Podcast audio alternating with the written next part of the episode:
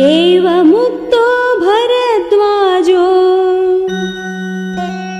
वाल्मीकेन महात्मन प्रायच्छत मुनेस्तस्य। वल्कलं नियतो गुरोः।